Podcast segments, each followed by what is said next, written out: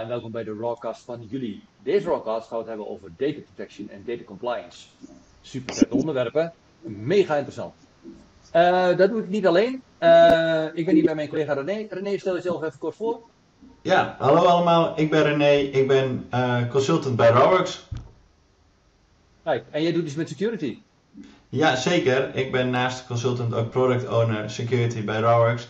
En daar doe ik eigenlijk van alles op de hele security stack. Dus ook data protection. Nou, en uh, voor de mensen die mij niet kennen, ik ben uh, Gerry Kunst. Ik ben uh, tribe lead van de Cloud Club. En uh, doe van alles met, met mijn mannen in Cloud Trade of 365 Azure. Dus ja, we gaan er weer een mooie, een mooie rockcast van maken. Dus deze keer gaan we het hebben over data protection en data compliance. Uh, echt wel hot topics om het zo maar te noemen. Hè? Ook als we kijken naar Microsoft Inspire hebben we natuurlijk net gehad, waarin je kan zien dat Microsoft nu ook gezegd heeft voor het komende jaar zijn een aantal dingen belangrijk. En dat is uh, security en AI. Dat zijn toch wel de, hot topics als je kijkt. naast, naast ook dat ze verantwoord ondernemen steeds meer gaan, gaan toepassen binnen, de, binnen hun company uh, policy. Maar uh, je ziet uh, dat er echt de focus zit op security. En ik denk ook dat dat heel goed is gezien wat er allemaal gebeurt in de wereld. En ook ja, wat je allemaal ziet aan de wet en regelgeving wat er op ons afkomt. Maar de, even de eerste vraag René, zeg maar, als we kijken naar data protection, data compliance, waar hebben we het dan over? Wat is dat voor iets? Wat, wat, hoe belangrijk is dat? Wat is dat? Ja, het is echt super belangrijk voor elke organisatie. Kijk, in elke organisatie leeft data. Uh, maar dat is ook gevoelige data. Denk aan intellectual property. Data die je niet wilt delen, maar ook data van jouw uh, medewerkers, hun, hun, BSN, hun bankgegevens, etc. Je wilt niet dat die zomaar op straat bij iedereen komt te liggen. Daarom is het heel belangrijk om na te gaan denken over data protection.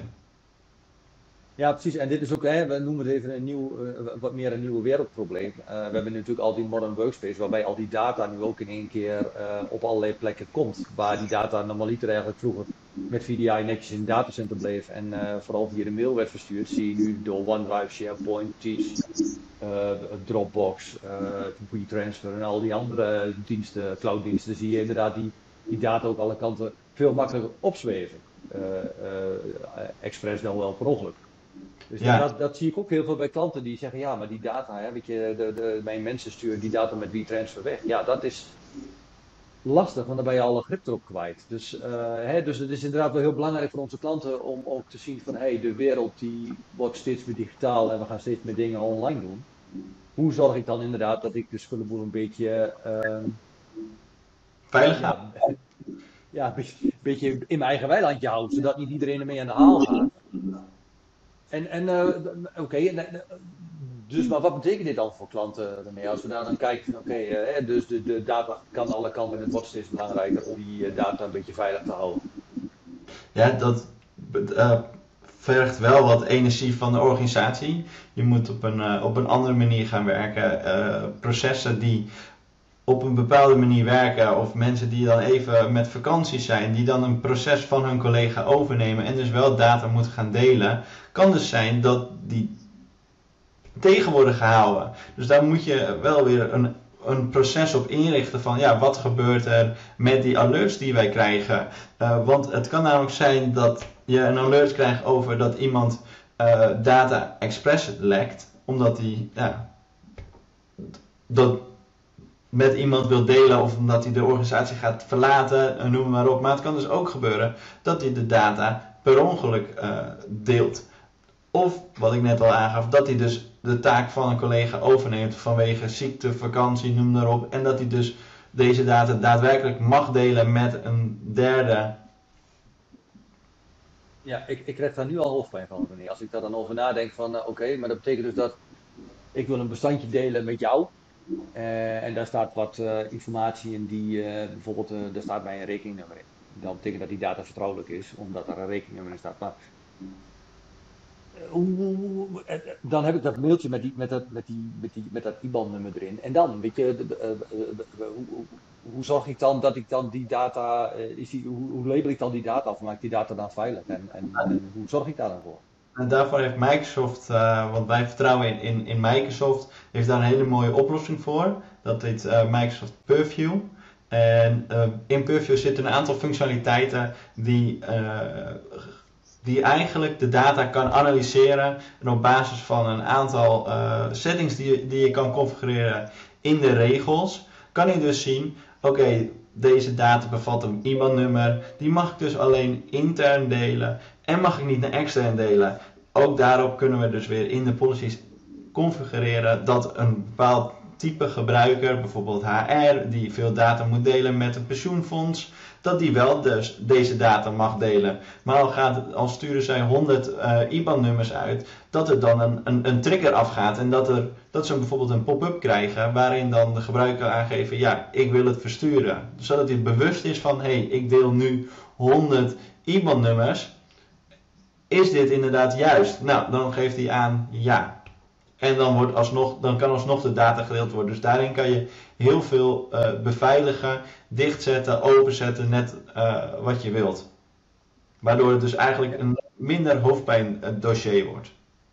Ja, je hebt er meer grip op, hè? Je hebt er wel meer grip op. Maar ik, ik hoor je dan inderdaad zeggen, ja, dan gaan we data labelen en beveiligen. Maar dat betekent natuurlijk aan de achterkant dat je best wel veel in moet richten. Want je moet nagedenken over uh, welke uh, wat we dus willen doen als we data compliance willen doen. Is dat je, data protection is dat je data dan gaan labelen. Je moet dus zeggen, oké, dit is omdat er een IBAN-nummer in zit, of een BSN-nummer, of andere gegevens van de persoon. Of omdat er kroonjuwelen van het bedrijf in zitten. Hè? Dus bijvoorbeeld uh, echt informatie, als die op straat komt liggen, dan zijn wij dat gedeelte van onze marktpositie kwijt. Bijvoorbeeld ook financiële cijfers die je nog niet wilt delen of zo. Uh, dan moet je daar dus wel over na gaan denken van hé, hey, maar wat gaan we dan labelen? Wie, wat mag je dan met wie delen? Uh, hoe gaan we dan om met als het dan wel met externe en als we meer moeten samenwerken, bijvoorbeeld ook nog in allerlei dingen als teams of we willen bestand beschikbaar stellen aan iemand. Hoe gaan we dat mee doen? Hoe, hoe, hoe, hoe pak je dit nou op? Ja, je kan het heel klein maken. Je kan met één afdeling al beginnen. Um, je hoeft niet gelijk te starten met al je data te labelen. Je kan al beginnen met alleen al uh, DLP, dus Data Loss Prevention. En daarvoor, want je kan heel makkelijk, kan je wel zeggen, welke data mag ik vanuit de wetgeving wel of niet zomaar delen. En welke data wil ik wel of niet zomaar delen met, met anderen. Nou, daarmee kan je dus beginnen met hele kleine, uh, eigenlijk hele kleine labels of policies die je kan instellen en dan vervolgens kan je die steeds verder uitbreiden. Waardoor je eigenlijk met heel klein moeite al heel groot resultaat gaat, behalen. Ja, precies. Ja, dus uh, de, de, tip sowieso is klein beginnen. En, en de reden waarom zouden we dit willen, heeft natuurlijk ook te maken met allerlei wet en regelgeving waar we aan moeten, steeds meer aan moeten doen met elkaar. Je hebt natuurlijk de, de NIS 2 vanuit de overheid, de bio, uh, je NEN en ISO-normering. Een beetje, we verzinnen, we hebben een heleboel afkortingen waar we aan moeten voldoen tegenwoordig. En uh, er komen er nog meer aan. Ook als je in de financiële kant zit, kan ook de DORA nog op je afkomen en zo. Weet je. Dus er zijn allerlei uh, wet en regelgeving waar je aan moet voldoen, waar data protection en data compliance ook een onderdeel van kan en soms ook moet zijn. Uh, hey, en als wij zo'n traject zien bij Robert, en je zegt we beginnen heel klein, maar hoe, hoe, pakken wij dit aan? Want we hebben natuurlijk heel veel klanten die uh, allemaal, dus we, als ik even kijk naar uh, de klanten waarbij ik zit, heel veel klanten die hebben uh, een valse on-premise, die gaan langzaam naar SharePoint Teams, OneDrive, die data gaat de cloud in, ze gaan een moderne werkplek doen. Er komt nog een keer iemand om, om de hoek die zegt, hey, we moeten bio-compliant zijn, dus hoe gaan we dat oplossen? Of we moeten NIS 2 compliant zijn, wat gaan we daaraan doen? Of een CISO die ergens wat van vindt. en bij heel veel klanten is de vraag, oké, okay, er komt een hele berg werk op ons af. Hoe, hoe, hoe, dan? Wat is dan een soort roadmap, een soort, soort, soort stappenplan om te zeggen: oké, we hebben een uitdaging. Hoe gaan we deze nou dan, zeg maar zo, hoe gaan we de olifant opsnijden in kleine stukjes zodat je hem lekker kan opeten? Ja, nou als je dan echt kijkt naar de roadmap van, van data protection, begin je gewoon eerst met een projectdefinitie. Dan heb je daar een, een projectleider, heb je echt voor dit stukje nodig en je hebt een adoptie nodig. Dat zijn de twee belangrijkste uh, stukken. Nou, daarmee ga je dus samen de, de roadmap die, die, die je hebt opgesteld, ga je dus bespreken. Je gaat een manier van samenwerken. Je gaat kijken of, ze, of de juiste licenties aanwezig zijn. Vervolgens ga je ook met het team bepalen welke mensen heb ik nodig in, in, in workshops.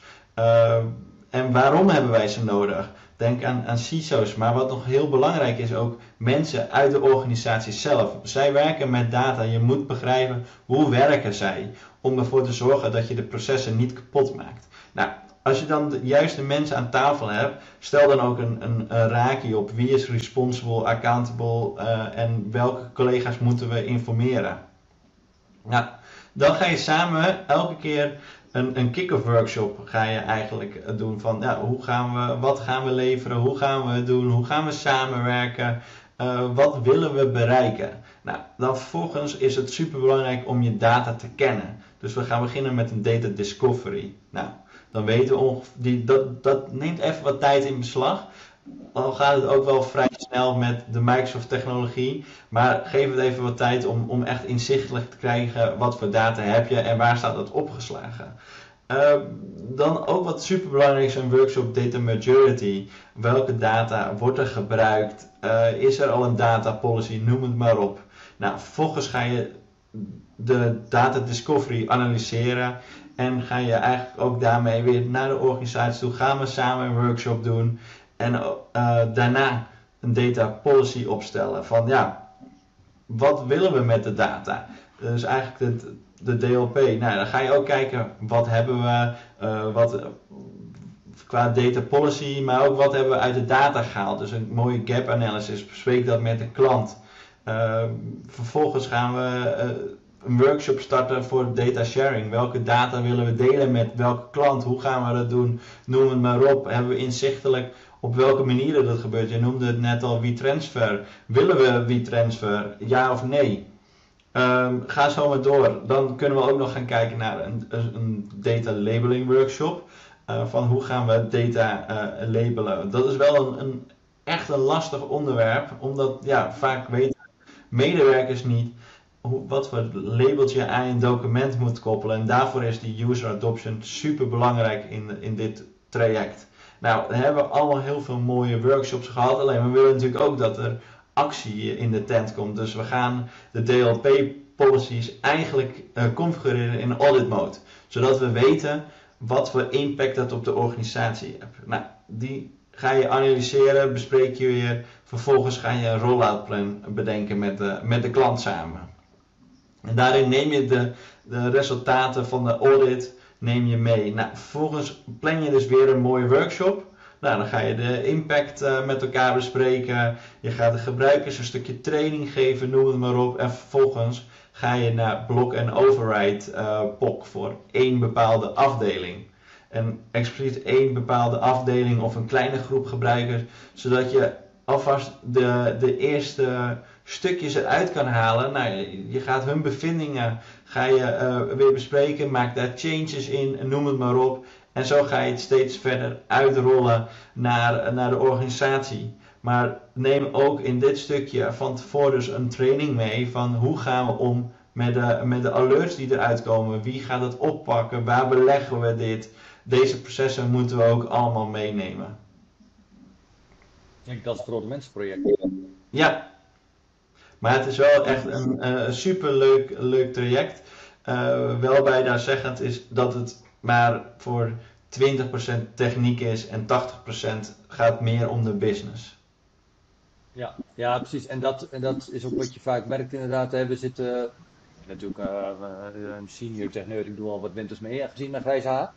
Maar uh, dat je inderdaad vroeger zaten met IT-mensen om tafel en tegenwoordig zitten we veel meer met de business om tafel om dit soort dingen boven water te krijgen. Van, hè, maar hoe moet het er dan uitzien? je zit met HR en je zit ook met, inderdaad met de operations afdeling of met, ja. ja met, met, met, uh, met, met, de verschillende afdelingen die met klanten bezig zijn om te zorgen dat we uh, de juiste informatie boven water krijgen. En dat is natuurlijk voor ons wel superleuk. En nu, nu kijken we dan echt naar de, naar de eh, roll-out roadmap. Maar daarin is het ook super belangrijk dat je bijvoorbeeld een ondernemingsraad meeneemt in een organisatie. Uh, zij kunnen namelijk heel lastig zijn in, in, in dit traject.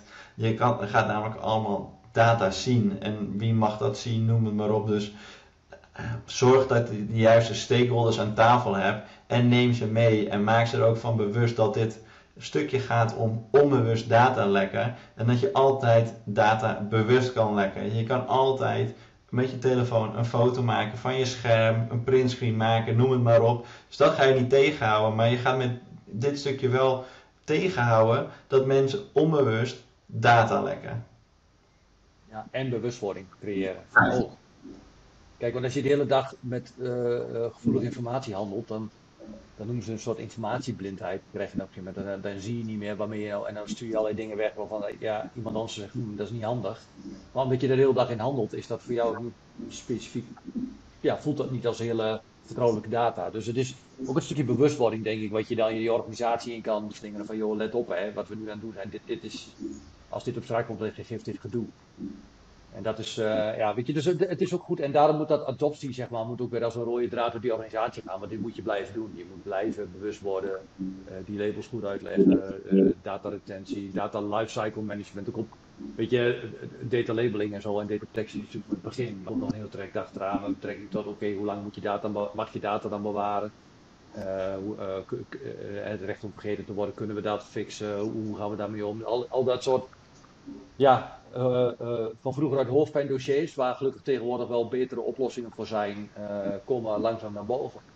Dus dat is natuurlijk een heel gaaf verhaal. Nee, want er, zit natuurlijk nog één vraag aan die ik ook wel eens krijg bij klanten. Hè? Maar waarom pakken we hier dan de Microsoft stack voor? Want je hebt uh, Varonis, je hebt Symantec. er zijn meerdere partijen die dit soort dingen kunnen aanbieden. Ja, ja, kijk, natuurlijk de partijen die je net opnoemt, Varonis, Symantec, zijn hele goede partijen. Hun software is ook echt top. Uh, dus daar ligt het zeker niet aan. Kijk, wij kiezen ervoor omdat wij hebben besloten vanuit Rawworks, we hebben een strategisch partnership met Microsoft. Maar daarnaast biedt de Microsoft producten een super goede integratie met elkaar. Uh, en dat maakt juist Purview super sterk in, in, in dit geval. En kan je met heel weinig moeite heel snel resultaat behalen. En door alleen een vinkje aan te zetten, krijg je al inzicht in, in, in jouw data. Ja, en, en wat we ook zien is dat 98% van onze klanten uh, zijn, gaan bijvoorbeeld naar Exchange Online of, uh, en zijn bezig met hun data in de cloud te zetten uh, richting de Microsoft stack. Dat, dat is gewoon goed vertegenwoordigd in Nederland. ja, en waar het, zoals wij wel vaker roepen, ook in meetings en in presentaties, WC in praat goed met WC in. Het is natuurlijk makkelijk als je alles van dezelfde leverancier hebt, omdat je dan de maximale integratie op kan halen. Plus de, de uh, voordelen van de koppelverkoop van licentie natuurlijk. Hè? Want uh, wat je zelf ook al zei, in E3 zit al een stukje van Purview. Nou ja, dan kan je een upgrade doen naar E5, waardoor je ook automatisch labelen kan doen en uh, al dat soort dingen. Maar ja, daar krijg je ook weer allerlei andere dingen bij die ook weer mega interessant zijn in je security hoek. Ja, en, en daarnaast, doordat jij gebruik maakt of al E3-licentie of E5-licentie hebt, heb je dus al recht op een deel van uit, uit, uit de Data Protection Suite. En hoef je dus geen andere oplossing aan te schaffen. Dus dat scheelt gewoon in, in, in de kosten. Ja, plus dat inderdaad uh, het opleiden van de mensen op één platform hoeft. En het maakt het ook wel makkelijker. Hè? In plaats van dat je drie, vier platformen, uh, verschillende platformen volledig in de benen moet houden. Dus uh, nou ja, wij, zien dat, wij zien daar voordelen in. En inderdaad, als je ziet hoe Microsoft zeg maar, de handschoenen op heeft gepakt met betrekking tot security en hoe, ze, hoe ver ze nu zijn. Ja, maken ze ook echt wel stappen. En is het echt wel, weet je, die producten worden echt wel, zijn ook echt wel goed. Ja, ze staan niet uh, bovenaan in de, in de Gartner kwadrant. Ja, nee, ik niet zeggen dat Gartner de wijsheid in pacht heeft, maar het is wel een uh, goede indicatie dat de serieus al wel dat ze serieus goed bezig zijn. Uh, en met dat denk ik dat wij weer voldoende informatie hebben gespuit naar onze luisteraars uh, voor deze maand. Uh, iedereen dank voor het luisteren. Dank dat jullie weer tot het einde met ons hebben volgehouden. Mochten jullie nou naar aanleiding van deze rockcast of andere vragen hebben, uh, je kan ons bereiken info.rockers.nl. Je kan ons via Teams of wat dan ook op allerlei manieren kun ons bereiken. Uh, mocht je vragen hebben, ja, zoals ik zei, weet je, school niet. Uh, we, denken graag met iedereen mee. Uh, voor nu, dank voor jullie tijd. Voor degenen die op vakantie gaan, nog een fijne vakantie. Voor degenen die terug zijn, jammer joh. Mag je door tot kerst. en we wensen jullie dan nog een fijne dag. En tot de volgende Rockcast. Tot ziens.